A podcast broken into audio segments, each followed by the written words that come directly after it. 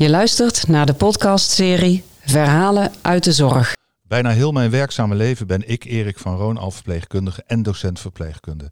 En hoe leuk is het dan dat ik voor Fontes Hogeschool Mens en Gezondheid een serie afleveringen maak met als thema Verhalen uit de Zorg. Verhalen vanuit het perspectief van de zorgvrager of van de zorgverlener of vanuit een andere invalshoek. En soms is het zelfs een mix. De zorg staat in deze serie in ieder geval centraal en zo hoort het ook. En in aflevering 11 alweer gaat het over ondernemen en innoveren in de zorg. Als zoon van een ondernemersechtpaar uit de middenstand heeft Geert Jos van der Mazen het zaken doen spelenderwijs meegekregen van zijn ouders. Zijn moeder had een drogisterij en was daarvoor verpleegkundige geweest. Zijn vader had een schildersbedrijf. En de rode draad in zijn werkzame leven is altijd geweest iets voor patiënten kunnen betekenen met ondersteunende of vervangende hulpmiddelen. Vroeger had Geert-Jos al snel door dat hij iets wilde doen met mobiliteit en het bewegen van het menselijk lichaam. Logisch dan, eerste keus is de Academie voor Lichamelijke Opvoeding en daarna is hij overgestapt naar de opleiding fysiotherapie. Vandaag is mijn gesprekspartner achter de podcastmicrofoon Geert-Jos van der Mazen, fysiotherapeut, docent slash onderzoeker, ondernemer en innovator in de zorg. Kortom, welkom bij Verhalen uit de Zorg.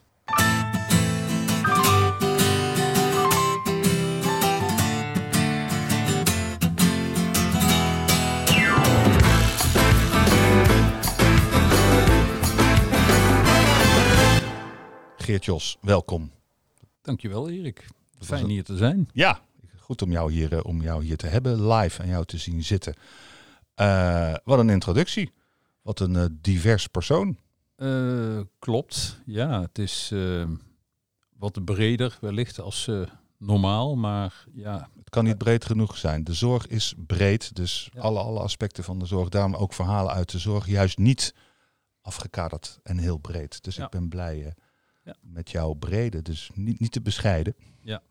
Nou, de- tijdens je leven dan maak je natuurlijk een aantal dingen mee die je oppakt, die je meeneemt, die je koestert eh, en waarmee je dus verder gaat. En die ervaringen, kennis en kunde die je opdoet, die gebruik je in je werkzame leven om eh, uiteindelijk eh, nog wat verder te komen, CQ, wat meer zaken te bereiken.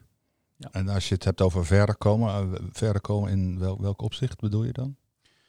Nou, verder komen in het leven, ja. dat je eh, met je inzichten die je opdoet in het leven, dat je daar meer dingen mee kunt doen. En zoals je net ook al even aangaf, de rode draad in mijn leven is eigenlijk patiënten helpen, patiënten ondersteunen.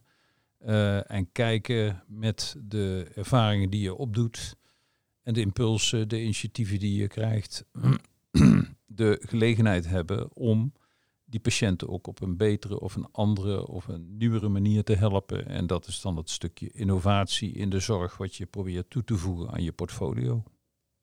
Hulpverlener, innoveren en het ondernemerschap. Ja, het is een rare combi. eh? Die voor een hoop mensen.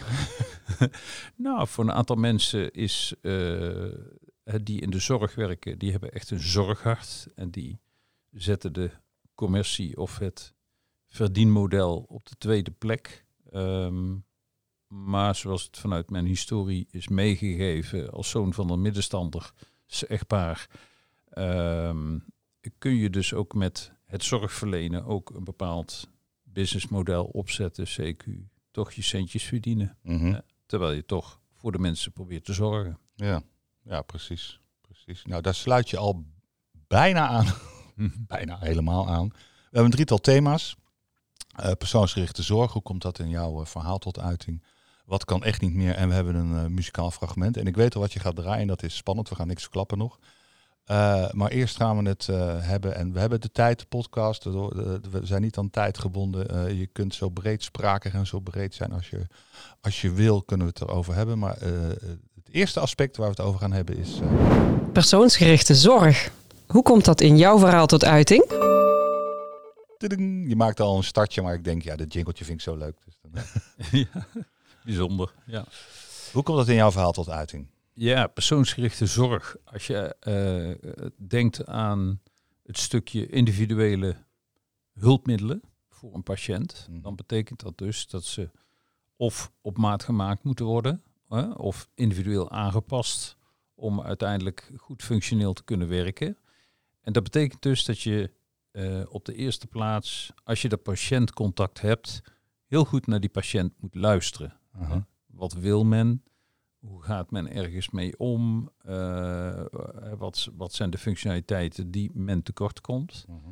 En dat kan zijn eh, met hobby's, met sporten, in het dagelijks leven, eh, huishoudelijk werk, het werk. Ehm, en die tekortkomingen die probeer je dan met één of meerdere hulpmiddelen op te pakken en op Mhm. te vangen. Nou, dat betekent Logisch. dus... Ja, Toch, zou Ja. je zeggen? ja, ja, maar je hebt dan eh, een, een zekere interactie nodig Mhm. om tot uiteindelijk een optimaal resultaat te komen met zo'n hulpmiddel. Mhm. En toen ik begon in mijn carrière. En is dat dan het optimale resultaat? Ja, sorry dat ik je onderbreek. Ik, ik ga heel veel onderbreken. ik Ja, ben, ik ben gewoon een nieuwsgierig manneke. En ik wil eh, weten... eh, eh, tot, totdat je tot een optimaal resultaat komt, is dat dan vanuit het perspectief vanuit... dat is een gezamenlijk perspectief, neem ik aan. Dus dat de zorgvrager een doel heeft. En zo moet ik het toch zien. Eh, ja, de, de cliënt-patiënt die komt met een vraag. Hè. Mm. Eh, die vraag die wordt meestal eh, aangereikt via een medisch specialist bijvoorbeeld. Mhm. Die vervolgens doorverwijst naar bijvoorbeeld een orthopedisch instrumentmaker Mhm. of een orthopedisch schoentechnoloog. En die komt dan weer bij de toeleverancier, de specialist, de distributeur van die hulpmiddelen. En dan ehm, ja, wordt jouw hulp ingeroepen. Of voor een second opinion, of voor een, een, ja, een, een aparte eh, specialistische vraag. Om te kijken of dat je voor zo'n eh, cliënt het een en ander kunt gaan betekenen. Waar ze in eerste instantie zelf bijvoorbeeld niet bij uitkomen. Ja. Nou, die patiëntcontacten, dat zijn eigenlijk de mooiste contacten die je hebt. Hè? Want dan hoor je iemand zijn levensverhaal. Je hoort hoe dat hij tot een, een, een ongeluk is gekomen. Hoe dat, ehm, hoe dat de verwerking is gebeurd. eh, hè? Vaak toch traumatische gebeurtenissen. En in dat hele verhaal eh, moet je uiteindelijk samen met die hulpverlener, met die orthopedische technoloog of met die revalidatiearts of de orthopeed gaan kijken of dat we toch een oplossing kunnen bedenken, verzinnen, samen met de cliënt-patiënt, ehm, om zijn leven weer zo aanvaardbaar mogelijk te maken. Mhm. En in, in het begin van het verhaaltje zei je al, ja, wat heeft mij bezig gehouden? Mobiliteit Mhm. en de beweging, de beweeglijkheid van het menselijk lichaam, om dat in optima forma zoveel mogelijk functioneel te kunnen laten werken. En dat Ja. is iedere keer weer de uitdaging. Die is bij iedereen anders. En dan maakt het ook mooi, want je weet nooit ja, bij wat voor cliënt, patiënt dat je dan uiteindelijk in die praktijk terechtkomt. Hoe, hoe, hoe, hoe- het eind- einde van het lijntje. Hoe, hoe komen de mensen bij jou? Als innovator en ondernemer. Eh, ja, dat vraag ik me ook wel eens af. Ja. Op een gegeven moment heb je kennelijk toch een reputatie opgebouwd dat mensen hoe ben je begonnen?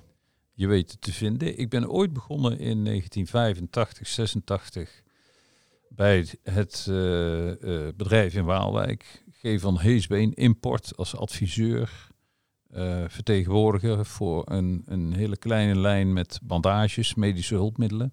Als fysiotherapeut. Als fysiotherapeut. D- dat diploma had je toen al op zak. dat had ik toen op zak. Heb je ook Ja. nog als fysiotherapeut gewerkt? Of ben je meteen richting ondernemer? Of een combinatie misschien? Nee, ik heb in, de, in de beginfase dat ik, toen ik net mijn diploma had, eh, mocht ik eh, gebruik maken van militaire dienstplicht. En, eh, Mocht ik ja, gebruiken. eh, jawel, jawel, jawel. Mooi geformuleerd. Ja, en ehm, officieel was ik eigenlijk ingeroosterd voor de opleiding tot hospic Mhm. in, in Hilversum. Dat is mooi als fysiotherapeut. Ja, dat had een redelijke aansluiting. Maar Ja. ik dacht van, ik ga toch eens even bellen bij de afdeling opkomst. Om te kijken of dat ik niks met mijn eigenlijke vak fysiotherapie kan doen. Ja, ja, ja. Nou, op het moment dat ik belde, ze zeggen wel eens, je moet op, de juiste tij- eh, op het juiste tijdstip, op de juiste plek zijn. Had, Dat is er net te dubben. ja.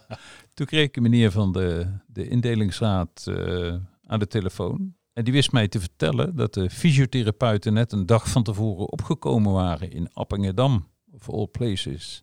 Groningen, hè? Eh, Ja. boven Groningen, jazeker. Ja. Ja, prachtig. En eh, hij zei, er zijn er eh, twee uitgevallen om redenen. Dus we hebben een, we hebben een plek over. Aha. Dus als je, hij zegt, als je even blijft hangen, dan kan ik contact opnemen met de commandant al daar. En dan gaan we eens kijken of dat we het voor je kunnen realiseren. Dus in plaats van hospic ben ik toen uiteindelijk eh, met een korte stoomopleiding eh onderofficier geworden in Appingedam. Mhm. En op de dag dat ik eh, afzwaaide voor die opleiding, toen ben ik smiddags in mijn diensten nu mijn diploma fysiotherapie opwezen halen in Utrecht. Dus dat Moest was je nog even afhalen. En ondertussen moest ik die commandant een beetje van het lijf af zien te houden. Want eh, ja, ik, had, eh, ik moest eh, bij opkomst mijn diploma inleveren. Maar ja, dat had ik natuurlijk nog niet. Dus Nee, nee, oh, ja, ja. Komt eraan, komt eraan. Het Moest je een VRA'tje invullen waarschijnlijk. ja, VRA'tje heb ik ook voldoende ingevuld, Erik. Dat was geen probleem. Ja. ja, ja. Maar een mooie tijd gehad. Anderhalf jaar de gelegenheid gehad om eh, in, eh, in, in een kleine setting eh, het prachtige beroep van fysiotherapeut uit te oefenen. Mhm. Waarbij eh, heel veel enkels getaped, ingetaped werden. Ja, dus die vaardigheid die kun je ook verder ontwikkelen en delen met dienstplichtige artsen bijvoorbeeld, die, die ook in de opleiding zaten. En ehm, Daar kwam al een beetje de docent in Geertjos naar voren. Ja, het leuke Ja. was dat eh, ja, eh, kenniskunde die je hebt, die kun je natuurlijk prachtig delen. Ja. Hè? Zeker in zo'n setting van, van een, een, een eigen wereldje, wat het militaire wereldje natuurlijk is. Maar dat was prachtig om te doen. En als je initiatief toont, bleek toen al, dan kom je een heel eind. Ja. En dan kun je veel interessante en leuke dingen ook gaan uitontwikkelen. En kijken hoe dat je toch in optima forma daarmee bezig kunt zijn. Mijn, mijn eerste innovatie in de fysiotherapie bestond eigenlijk uit ehm, een ketel die ik nodig had voor warmtepakkingen. Maar ja, die hadden we niet op onze afdeling. Ik, eh, ik haak al twee keer af. Een ketel voor warmtepakkingen. Je moet me even Ja, in, de context een- zetten. een- wij hadden destijds paraffinepakkingen ja. om eh, lichaamsdeel te verwarmen. Ah, ja, ja, Dus ja. voordat je gaat oefenen, gaat masseren, nou. Dan, dan breng je het eerst lekker op warmte, dan die spieren een beetje kunnen ontspannen. Mhm. Alleen ik had geen warmtepan of geen warmteketel om dat te doen. Dus een van mijn eh, cliënten die ik op de bank kreeg, die was toevallig elektricien in het leger.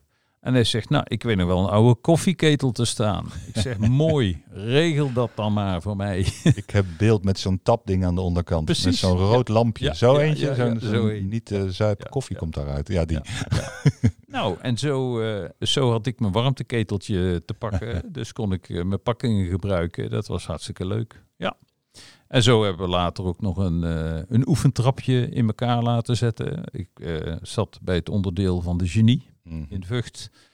En eh, ja, dat is ook eh, onderdeel bouwen.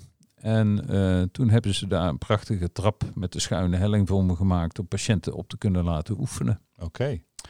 Weer een innovatie. Creatieve geest ook. En dingen, volgens mij, je, je ziet iets en je denkt meteen in oplossingen. Of creaties. En ja, ja, dus hoe als- persoonsgericht wil je het hebben?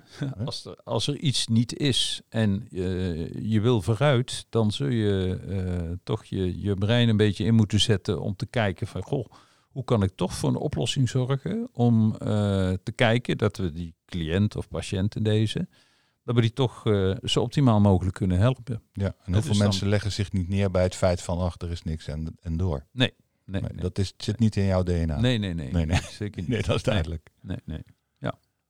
Loopplankje, Loopplankje, ja, inderdaad. Ja. helling. Ja. En ergens bij je afgezwaaid? Ja, nou het bijzondere was voordat ik twee maanden voordat ik afzwaaide, had ik die baan in Waalwijk al te pakken. Mhm. En toen heb ik dus eh, in mijn eh, militaire kloffie al eh, wat koffertjes meegesjouwd naar de centrale apotheek in, op een kazerne in Breda. En daar had ik mijn eerste spulletjes al eh, laten zien aan de dienstdoend apotheker of dat die er wellicht iets mee kon. Mhm. Dus ik kon al mooi een beetje oefenen in de militaire diensttijd met mijn opvolgende baan als vertegenwoordiger. Ja, ja, Ja. ja, ja, ja. Warme acquisitie, koude acquisitie eh, komt in één keer bij mij op. Jij bent iemand van de warme acquisitie, denk ik. Ja, dat het denk ik wel. opzoeken, het Ja. eh, ter plekke Ja. demonstreren, enthousiasmeren, Ja. meedenken in oplossingen. Toen ik aan mijn eerste baan begon, was ik natuurlijk helemaal zo groen als gas, want ik wist helemaal niks. En ik, ik dacht als fysiotherapeut dat ik heel veel uh, al wist en uh, in de opleiding had genoten en dingetjes had gedaan. Alleen het punt uh, wat, ik, ja, wat ik nog niet wist, was de ervaring in die praktijk. Ja. de eerste vijf jaar dat ik dus werkte voor die baas, heb ik ehm, in Nederland 500 verkooppunten opgezet. Mm Dus een heel uh, distributienetwerk met detailzaken. Van en verkooppunten van?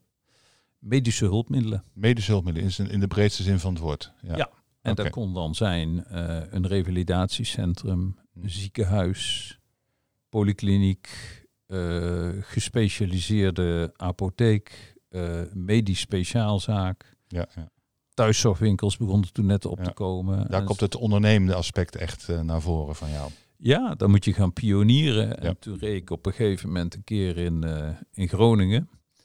En uh, toen had ik bij een ja, lokaal restaurant eventjes een gouden gids gepakt.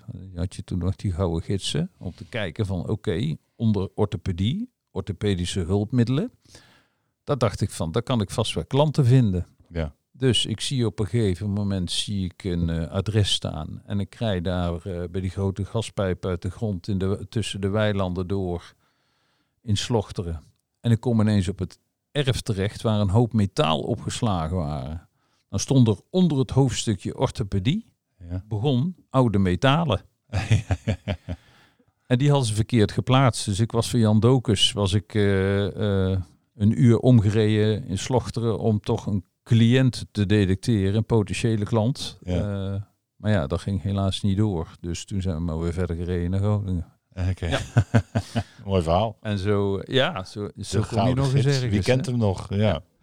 En het leuke was, ja, in, in die tijd had je nog helemaal geen, uh, geen prachtige uh, automatiserings GPS-systemen waarmee je dus rondgeleid werd. Maar dan had je gewoon het uh, Shell Stratenboek. Hè? En dan moest je maar zien te behelpen in de steden, in de dorpen, et cetera. Mm -hmm. Om je wegje te vinden richting Dukland. En uh, zodoende heb ik er een aantal veroverd.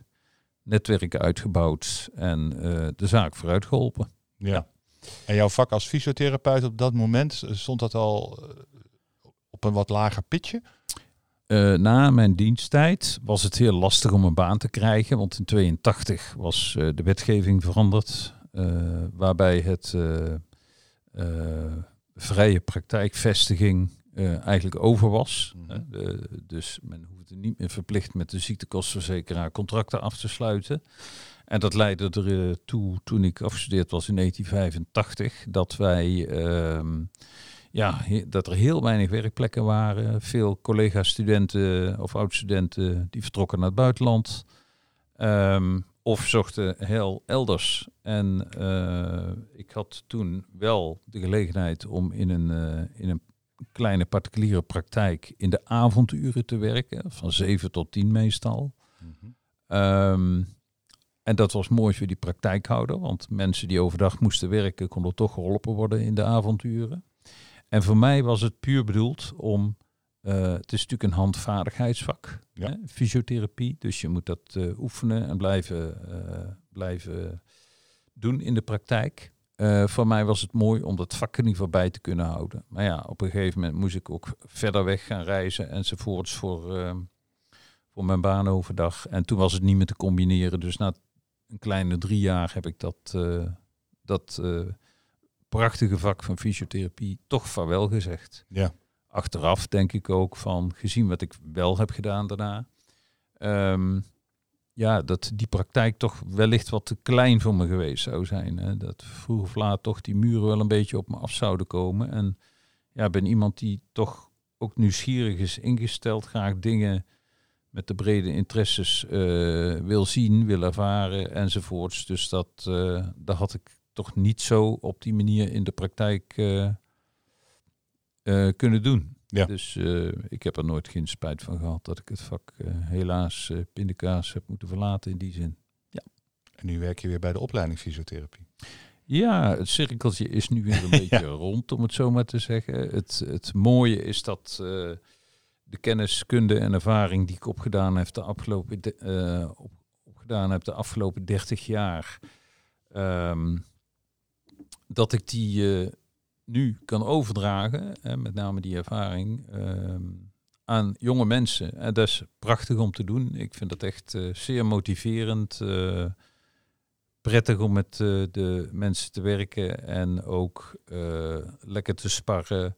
Ehm, ja, ik ben een zij-instromer als docent ehm, op, op deze opleiding bij de Fontesier. Mhm. Maar dat betekent dat ik wel heel veel eh, ja, ervaring uit dat werkveld meeneem. Eh, en een, ook een lekker breed netwerk heb in de hele medische wereld. Dus we kunnen heel snel schakelen als we zaken willen gaan doen, nodig hebben, exploreren, et cetera. Ja, en je geeft ook les bij de minor. Een, een van de minoren. Ja, We hebben er heel bij- veel natuurlijk. Bij welke minor geef jij precies les? Ja, ik geef bij twee minoren les. Bij de minor MATE, Measuring, Analysis, Design en Experience. Mhm, En dus de minor MATE van eh, FPH. mhm. En Fontes daarnaast... Paramedische Hogeschool. Ja, de Fontes Paramedische Hogeschool. En daarnaast geef ik ook eh, les bij de minor Health Tech van FHMG. Fontes Hogeschool. Waarbij ik met name een, een, een stuk eh, verzorg in zaken paramedische lessen, waarbij we de studenten van alles proberen bij te brengen over wat er allemaal in die paramedische zorgpraktijk gebeurt. En daar zitten de relaties of de linken met het innoverend vermogen van eh Geertjels. Ja, ook. En, Ja. en, en, en eh, ja, binnen de, het reguliere werk, zeg maar, ehm, ben ik ook betrokken bij een aantal onderzoeken samen met een paar collega's, een aantal collega's, waarin wij dus eh, eh, meerjarige onderzoekstrajecten hebben lopen. Uh, Shoe Times is er eentje van, een SIA-raak-project wat we vorig jaar hebben afgerond. En op dit moment zijn we bezig met de Smart Scan, Smart Glove. Je moet beide even uitleggen. Ja. Wat- het precies inhoudt. Ja. De naam hebben we voorbij horen komen. We beginnen met de Ja. schoenen. Ja, de schoenen. Ehm Shoe Times. ehm, een idee is ooit geboren om eh, te gaan kijken naar de intrinsieke krachten die zich voordoen tijdens het lopen. Mhm. Als je op je schoenen loopt. Ja. Want er gebeurt heel veel onder die voeten. Hè, want eh, je hebt met de zwaartekracht te maken, maar je moet je ook voorwaarts gaan verplaatsen tijdens het lopen. Mhm. En daarbij komen allerlei krachten vrij. Nou, dat zijn wrijvingskrachten bijvoorbeeld, schuifkrachten, afschuifkrachten.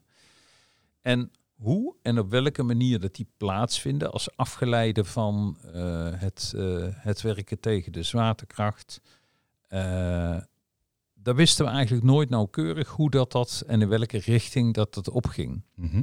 Nou heb ik in het verleden ook een, een tijdje diabetische wonden bekeken in een ander project. Mhm. Ehm, en waarbij je dus zag dat het, eh, ja, het ontstaan van de diabetische ulcera, dat is één. Maar twee, de, de effecten die er daarna komen, eh, ja, die zijn vaak dramatisch. Hè? Want je ziet vaak dat... Dan als hebben we het nou over de diabetische wonden en dan aan de voeten. Dus de diabetische ja, voetzorg. ja. ja. Ja, en dat betekent vaak dat ja, als je net even te ver bent, dat dat eindigt in amputaties bijvoorbeeld. Mhm. Dus aan de voorzijde van dat hele traject met die diabetische patiënten, die we dus in Nederland nu tussen de 1,2 en 1,5 miljoen hebben inmiddels. Dat is een eh, behoorlijk getal. Behoorlijk. Ja, ja, ja. En wereldwijd is het veel groter natuurlijk. Mhm. Ehm, in die preventieve fase, voorafgaand aan dat iemand een diabetische ulcer krijgt, een diabetisch wondje, eh, dan kun je sturen, dan kun je dingen doen. Hè. En dat wordt gedaan. eh, collega's van mij zijn ook bezig met de diabetische app, bijvoorbeeld eh, met eh, collega's van podotherapie. Ja, ik kon net zeggen, podotherapie is daar heel intensief. Ja, ja, ja, Ja. zeker. Ja. En ehm, wij waren nieuwsgierig naar die schuifkrachten of die afgeleide krachten eigenlijk. En toen zijn we gaan kijken om een, een meetsysteem te ontwikkelen dat je tijdens het lopen Mhm. in de schoenen kunt dragen. Dus dat moet flexibel zijn, Ja, het moet sterk zijn, het moet eh, tegen klein. vocht kunnen, het moet klein zijn, het mag niet te dik zijn, het mag zeker niet irriteren. En dat was een, eh, ja, ook echt een speurtocht geweest, een langdurige tocht om uiteindelijk eh, tot, tot resultaten daarmee te komen. Ja. Het heeft iets opgeleverd. Iets ja, we zijn uiteindelijk op een aantal principes uitgekomen. Mhm. Die we aan twee kanten eigenlijk ontwikkeld hadden. En ja, dan heb je het over een, een soort van eh, proof of principle of prototype wat je gaat ontwikkelen. En dan is het eigenlijk de bedoeling dat het ook opgepakt wordt, bijvoorbeeld door de industrie. Ja, en wordt het opgepakt door de industrie, dan kun je er verder mee en dan kan het uiteindelijk wellicht tot een, eh, een product uitontwikkeld worden. Maar dat is niet de hoofdtaak van een, eh, een hogeschool. Nee, nee, nee. Je hebt wel een hele duidelijke link tussen, eh, tussen de zorgvrager, eh, de patiënt, de cliënt, hoe je, hoe je hem of haar ook wilt noemen. eh, het onderzoeksmatige en, en, en een bedrijf, de, de industrie. Ja. Dat is wel een hele mooie. En jij, en jij voelt je daar heel senang tussen.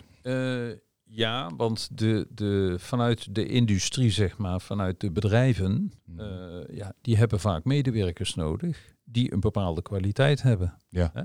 En een professionaliteit eh, uitstralen en die, die kundig, vakkundig gemaakt worden Ja. op de opleiding. En dat betekent dus dat je heel kritisch moet kijken naar wat voor soort onderwijs dat je de studenten meegeeft. eh, op welke manier dat je zaken interpreteert. En het onderzoeken aan zich eh, ja, moet natuurlijk zeer grondig gebeuren. En als je dat grondig doet en dedicated, dan zie je ook dat er geweldig leuke, interessante dingen uitkomen. Ja. Een van de redenen die eh, eh, is dat we dus ook een breed scala aan studenten en docenten betrokken hebben altijd bij de onderzoeken. Mhm. Enerzijds zijn wij begonnen met, eh, met de Fontis-studenten. Ja. En dan het liefst multidisciplinair, want dan leren ze nog meer van elkaar. Als je het hebt over diabetische voedzorg, dat is per definitie multidisciplinair. Samenwerken, Absoluut. samen leren. Dus Ja. hoe mooi zou Ja. het zijn dat je hier ook in, eh, Ja. in, in, in, een, in een schoolgebouw de diverse opleidingen bij elkaar kunt krijgen. Om daar al dat multidisciplinair samenwerken te leren. Ja, nou, Absoluut. Ja. gaaf. Maar we hebben later bijvoorbeeld ook de hulp ingeroepen of gekregen van jonge mensen, eh, geen studenten, maar leerlingen nog, van Hm. verschillende technasia in, Ja, ja. eh, in Zuid-Nederland. En dat is zo leuk, zo verfrissend om die een opdracht mee te geven. Want die mensen die hebben nog weinig historie over zaken. Die kunnen heel out of the box denken. ja. En met de meest fantastische, eh, bijzondere oplossingen aankomen of ideeën. Waar wij zelf in eerste instantie niet aan gedacht zouden hebben. Ja, ik En zit dat- te grinnen. dat- En dat werkt, eh, dat, wer- dat werkt zo verfrissend. Is hartstikke leuk om te doen. Ja, hoe Ja. mooi is dat? Dat, dat is ook meteen, eh, als, je, als je dan even hand in eigen boezem naar onze opleidingen kijkt, dat wij soms heel erg eh, mensen in, dat, in een bepaald denkframe eh, ja, brengen. Ja. En eh, out of the box zeg je, en ja, inderdaad, Ja. zonder enige kennis. eh, en dan juist, ja, dat, ja ik, ik vind dat ook wel. eh, Ja. ja, ik word er blij van. Ja. En, en, en wat, je, wat je vaak ziet met studenten, ze worden natuurlijk voor een vak opgeleid, zeker in die robuuste fase. Mhm. En dan op een gegeven moment kun je, kun je verder gaan in de, in de profileringsfase. Ik probeer ze altijd mee te geven om scherp na te denken over plan B. Want ik heb zo vaak in de praktijk meegemaakt dat er in eerste instantie je gaat voor een zogenaamde ideale oplossing Mhm. Om wat voor reden dan ook kan dat niet doorgaan. Hè? Vanwege de, de, de medische stabiliteit van de patiënt, eh, vanwege de eh, sociale omstandigheden of wat dan ook. Ehm, dat betekent dat je op dat moment ook even scherp moet zijn eh, om na te denken over een alternatief ja, ja. wat je aan kunt bieden. Hè, want niks is niks. En dat geef jij jouw studenten ook mee. Denk altijd over een plan B. absoluut. Want dat DNA van dat eh, Ja. ondernemerschap Ja. en dat, dat innoverend vermogen, dat, dat, dat is jouw DNA. Mhm. En op- dat probeer je op deze manier ook over te dragen aan studenten. Ja, absoluut. En, en nogmaals, eh, studenten zijn wel eens eh, weemoedig of, of teleurgesteld als iets niet lukt. Mhm. Eh, dan zie je dat dat meteen een beetje eh, weer, weer slaat, terugslaat op eh, de motivatie. Het lukt toch niet. En Ja. het enthousiasme van het gaat niet of het wil niet of, of het past niet helemaal. Maar op dat moment, dan moet je juist zorgen dat je er staat. Hè? En als je, ja, ik noem maar de parallel, als je het als ondernemer op dat moment laat afweten, ja, dan ga je de Bietenbrug op. Ja, de Bietenbrug. ja, en dan werkt het niet meer. Dus je moet wel Geen zorgen inkomsten. dat je er staat. En dat je dus ook mogelijke alternatieven gaat zoeken voor een probleem wat er ligt, wat je toch graag opgelost hebt samen met de cliënt of de zorgverlener of het ziekenhuis of de revalidatie. Kun je stellen dat elke innovatie ook gepaard gaat met een hoop mislukkingen totdat het uiteindelijk succesvol is? Eh, Of mo- Ja. moet, moet je misschien wel mislukken? Ja, kijk, ik denk dat het, eh, het, het goede is van een stukje ondernemerschap dat er een aantal eh, fases zijn. Dat iets dus of helemaal verkeerd gaat, eh, of dat het even niet lukt of tegenzit, of dat je vanuit een onverwachte hoek een, een tik in je nek krijgt. Mhm. Zoals mijn oude baas ooit zei, hij zegt op het moment dat je denkt dat je er bent, dan krijg je, krijg je even een tik in de nek. Is het niet van de bank, dan is het van een leverancier. Of een klant die failliet gaat. Kan ook gebeuren. Ik bedoel, daar heb je zelf niks over te zeggen. Ja, Maar precies. hoe ga je ermee om? Hoe pak je het op? En probeer je toch de zaak weer zo goed mogelijk voor elkaar te krijgen. Denken dat je er bent. Ik, ik, moet ook, ik ben ook ik ben van 80-1. Van welke lichting ben jij? Of nee, gaan we weer even terug naar militaire. 85-3. Ja, Dan ben ik oude happen. Jawel.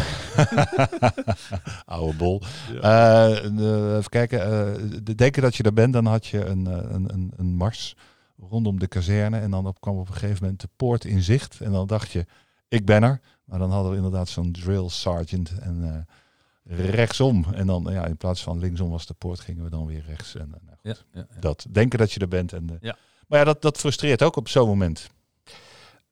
Maar uiteindelijk leer je toch om dat ook weer ja, te overwinnen op een of andere manier. Ja.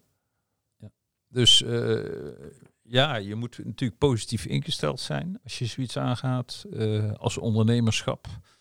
En ehm, ja, ook als fysiotherapeut moet je natuurlijk creatief eh, kunnen denken en onder onverwachte omstandigheden eh, dingetjes gaan doen en, en proberen te bereiken.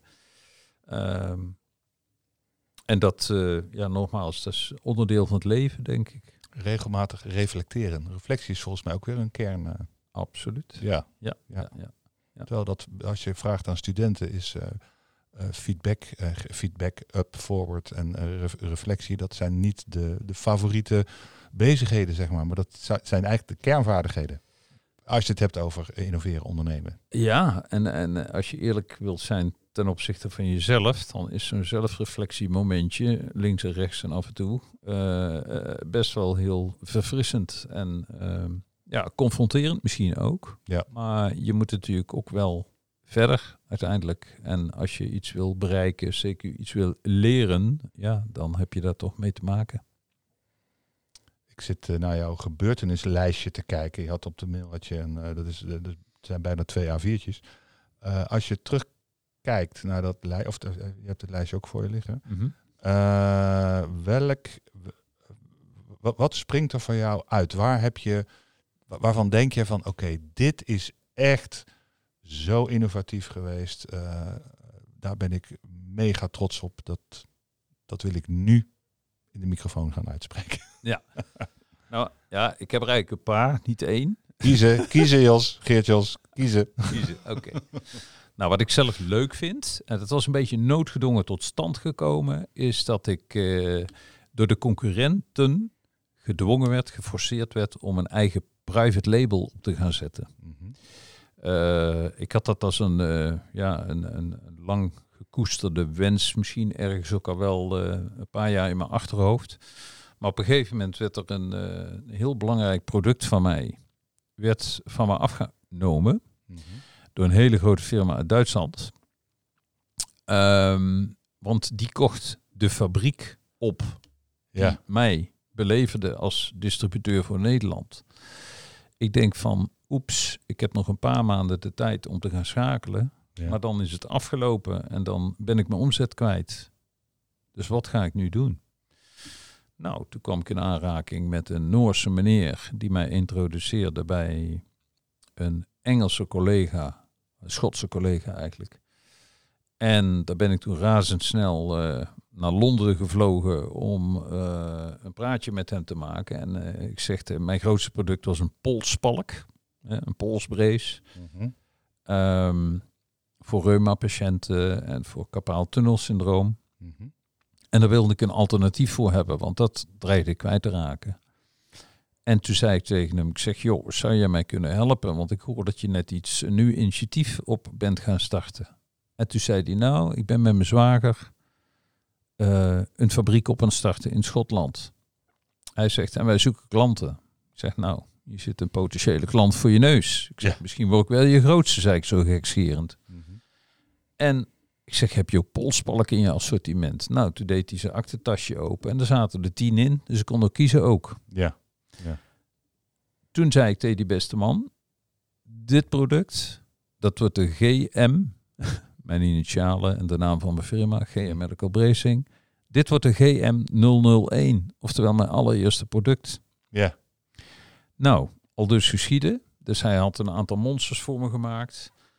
Hij eh, eh, en naar mij toegestuurd. Ik had ondertussen zelf een eigen doosje ontwikkeld. Want ja, voor een reclamebureau was natuurlijk geen geld. Mhm. Eh, gebruiksaanwijzing erachterop, eh erachterop gezet. eh, CE-certificering in orde gebracht, et cetera. En na anderhalve maand heb ik mijn belangrijkste klanten allemaal zo'n product GM001 toegezonden. Met daarbij de mededeling, sorry, het oude product wordt niet meer verkocht.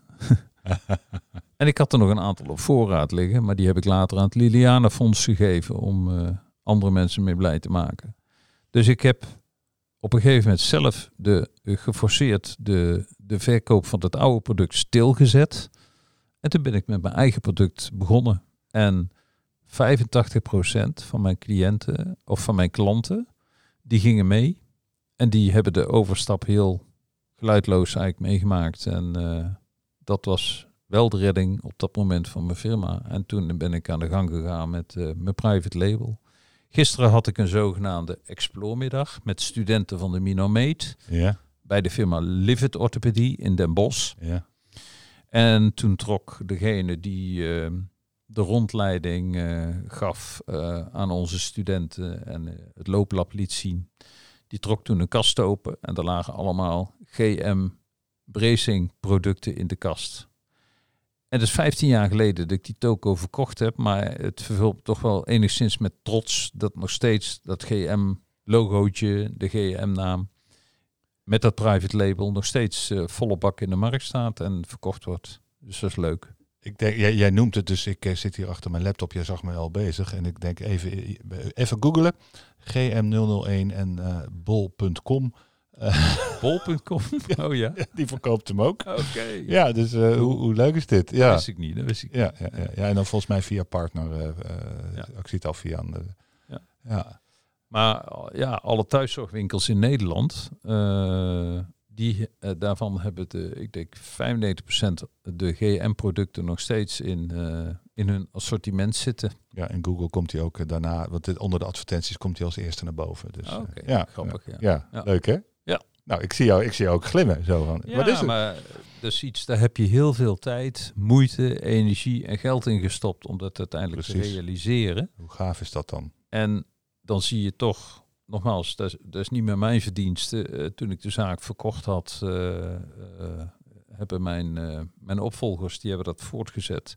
Maar dat het nog steeds een stevig product is wat goed in de markt staat, dat, ja, dat vervulde dan me wel met lichte trots. Ja, is leuk. Nou ja, en terecht.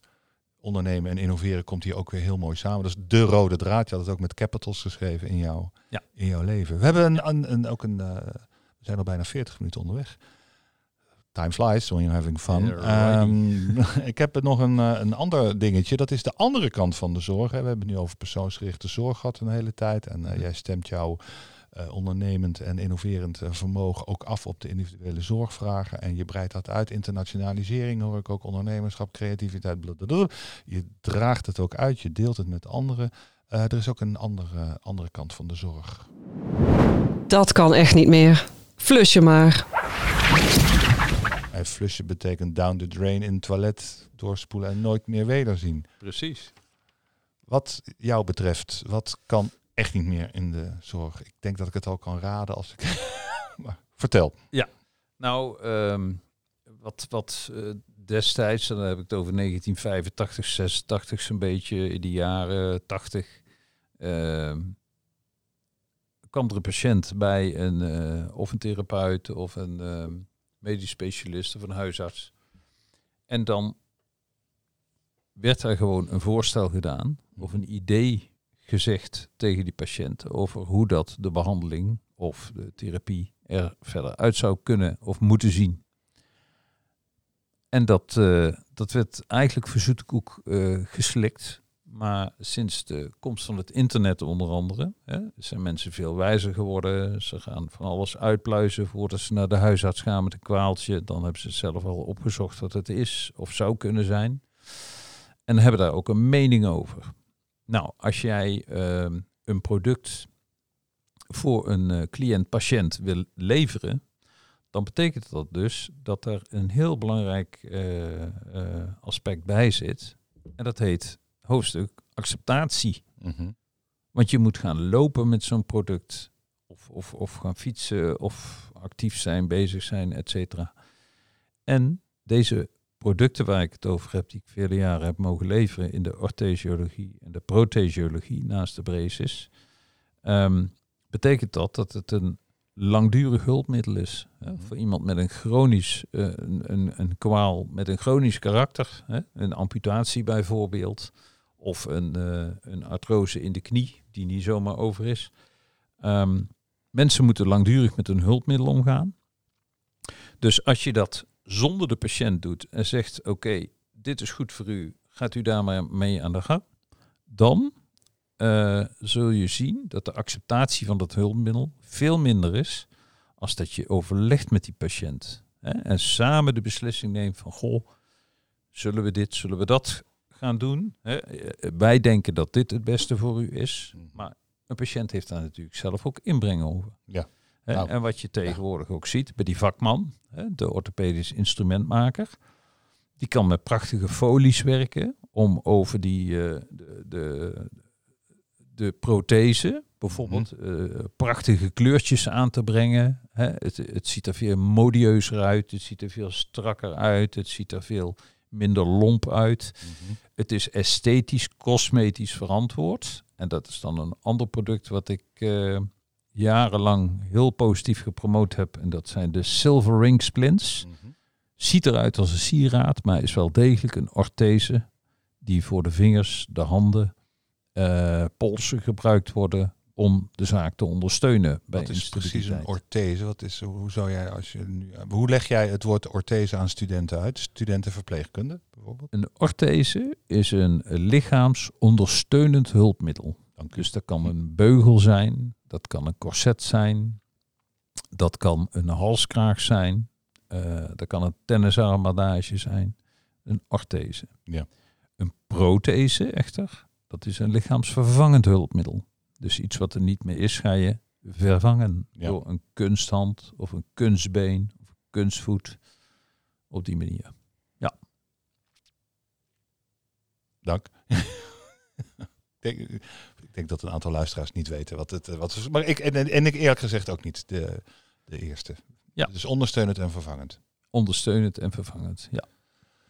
Uh, en ik hoor, wat, wat kan echt niet meer? Down the drain, flush je maar. Uh, uh, shared decision making. Ja, het is weer een Engelse term, maar ja. in gezamenlijkheid. goed luisteren, goed analyseren voordat je met een standaard interventie komt. Dat is jouw. Ja, zeker.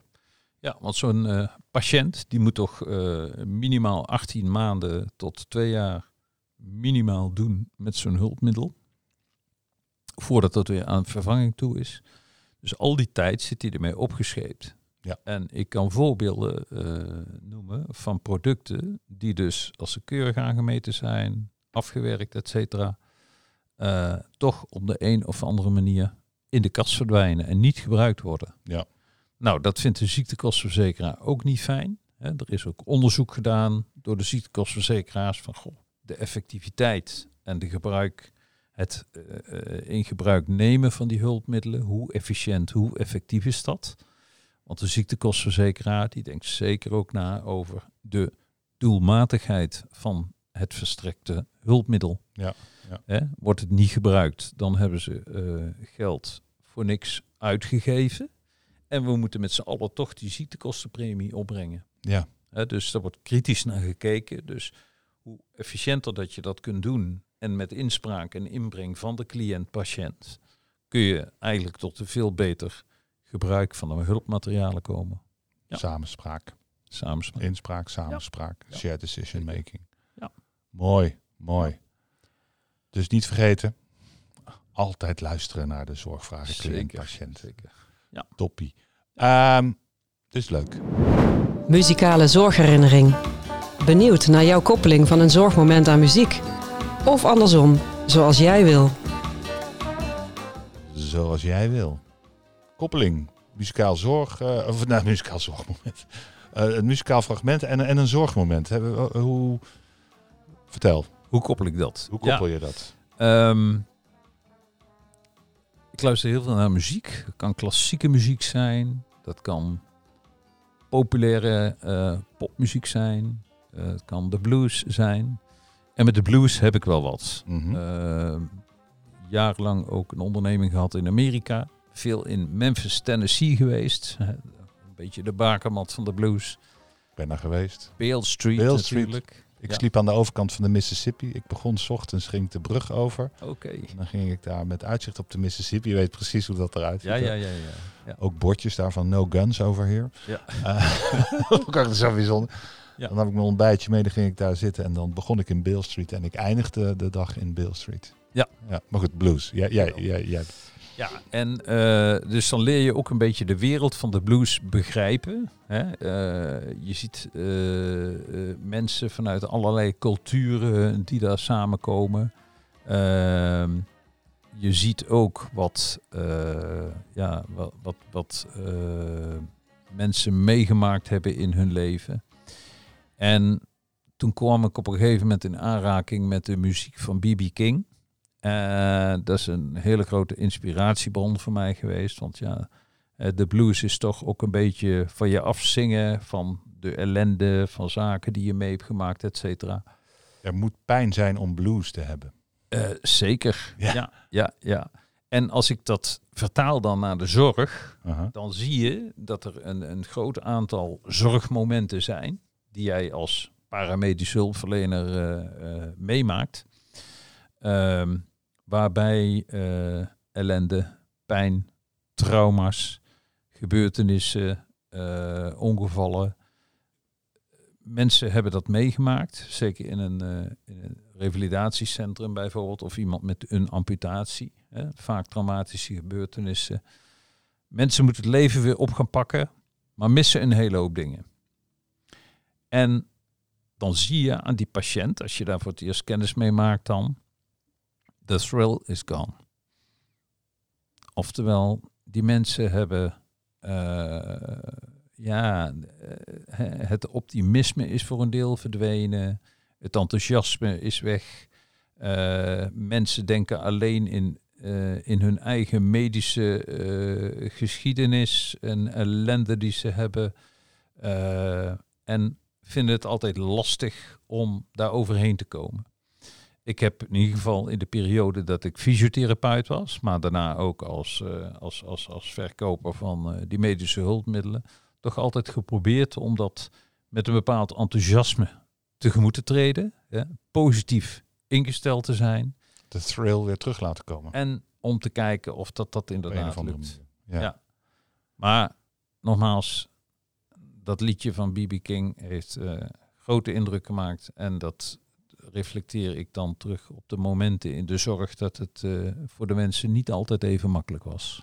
In Bill Street staat ook een, eh, een tent van B.B. King. B.B. King Café. Yes. Yes. Aan het begin rechts. Ken Van, het. vanuit de Mississippi gezien. Ik ga hem langzaam instarten. Ik heb de live versie. Vind je dat erg? Gaaf.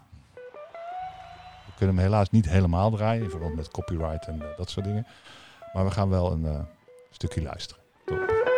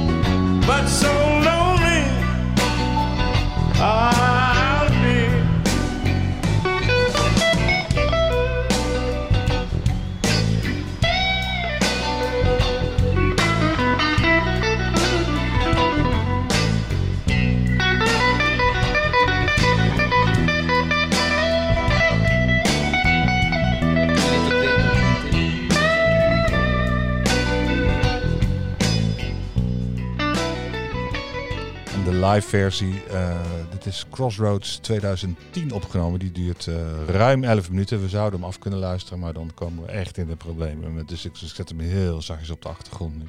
2010. Uh, eh, volgens mij BB King is dik 90 geworden.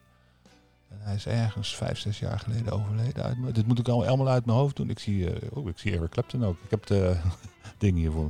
Um, dat, dat is, hij speelt dit op 85-jarige leeftijd. Zo. Waanzinnig. Ja, ja. Waanzinnig. Iemand helemaal drenkt door de blues. Ja. The thrill is gone. Mooi verhaal erbij. En uh, met behulp van jouw ondernemend en innoverend vermogen probeer je die thrill op een of andere manier weer terug te krijgen bij de, bij de cliënten, zorgvragers, patiënten. Ja. Uh, Geert-Jos, um, we zijn nog lang niet uitgepraat, want jouw lijstje, uh, wat je door had gegeven van innovaties en dat zouden we nog allemaal kunnen hebben. Ik kan me voorstellen dat mensen uh, contact met jou uh, op willen nemen van hé, uh, hey, ik wil daar wat meer over weten. we hebben het net even, toen de microfoons dicht waren, erover gehad. Jouw e-mailadres is g. van der Mazen met dubbel A. Z-E-N apenstaart fontis.nl. Dan kunnen ze jou alle vragen stellen die ze nog willen stellen. En jij gaat er antwoord op geven. Zeker. Ja, geen probleem geen probleem. Uh, als je terugkijkt naar ons gesprek, we hebben het gehad over persoonsgerichte zorg. Uh, wat kan echt niet meer? De muziek, die uh, hoorde, zag je nog op de achtergrond. zijn er nog dingen die echt gezegd moeten worden op dit moment? Of kunnen we langzaam naar een gedag? Ja, ik, de, de, wat ik nog wil zeggen is fijn, Erik, dank voor de gelegenheid dat ik een deel van mijn verhaaltje heb mogen vertellen bij jou. Ja. Vind ik echt leuk. en ehm, ja, wat ik al eerder uh, gezegd had, ik vind het uh, heel fijn en ik ben dankbaar dat ik uh, de kenniskunde en ervaring van de afgelopen 30 jaar nu over kan dragen op jonge mensen. Ja. En op die manier een beetje de cirkel rond kan maken aan het eind van de carrière. Ja. Mooi, ik ga jou danken voor jouw aanwezigheid, voor je enthousiasme en voor jouw ja, jou, jou, jouw innoverend en uh, uh, ondernemend, creatief over, dat vermogen. Ja, top kerel. Dankjewel. Graag gedaan. Tot, een, ik zeg nu tegen de luisteraars, ik zeg het niet tegen jou Geertjes, maar tegen de luisteraars. Tot de volgende. En dat wordt dan de, de twaalfde verhalen in de zorg. Tot de volgende. Dankjewel voor het luisteren.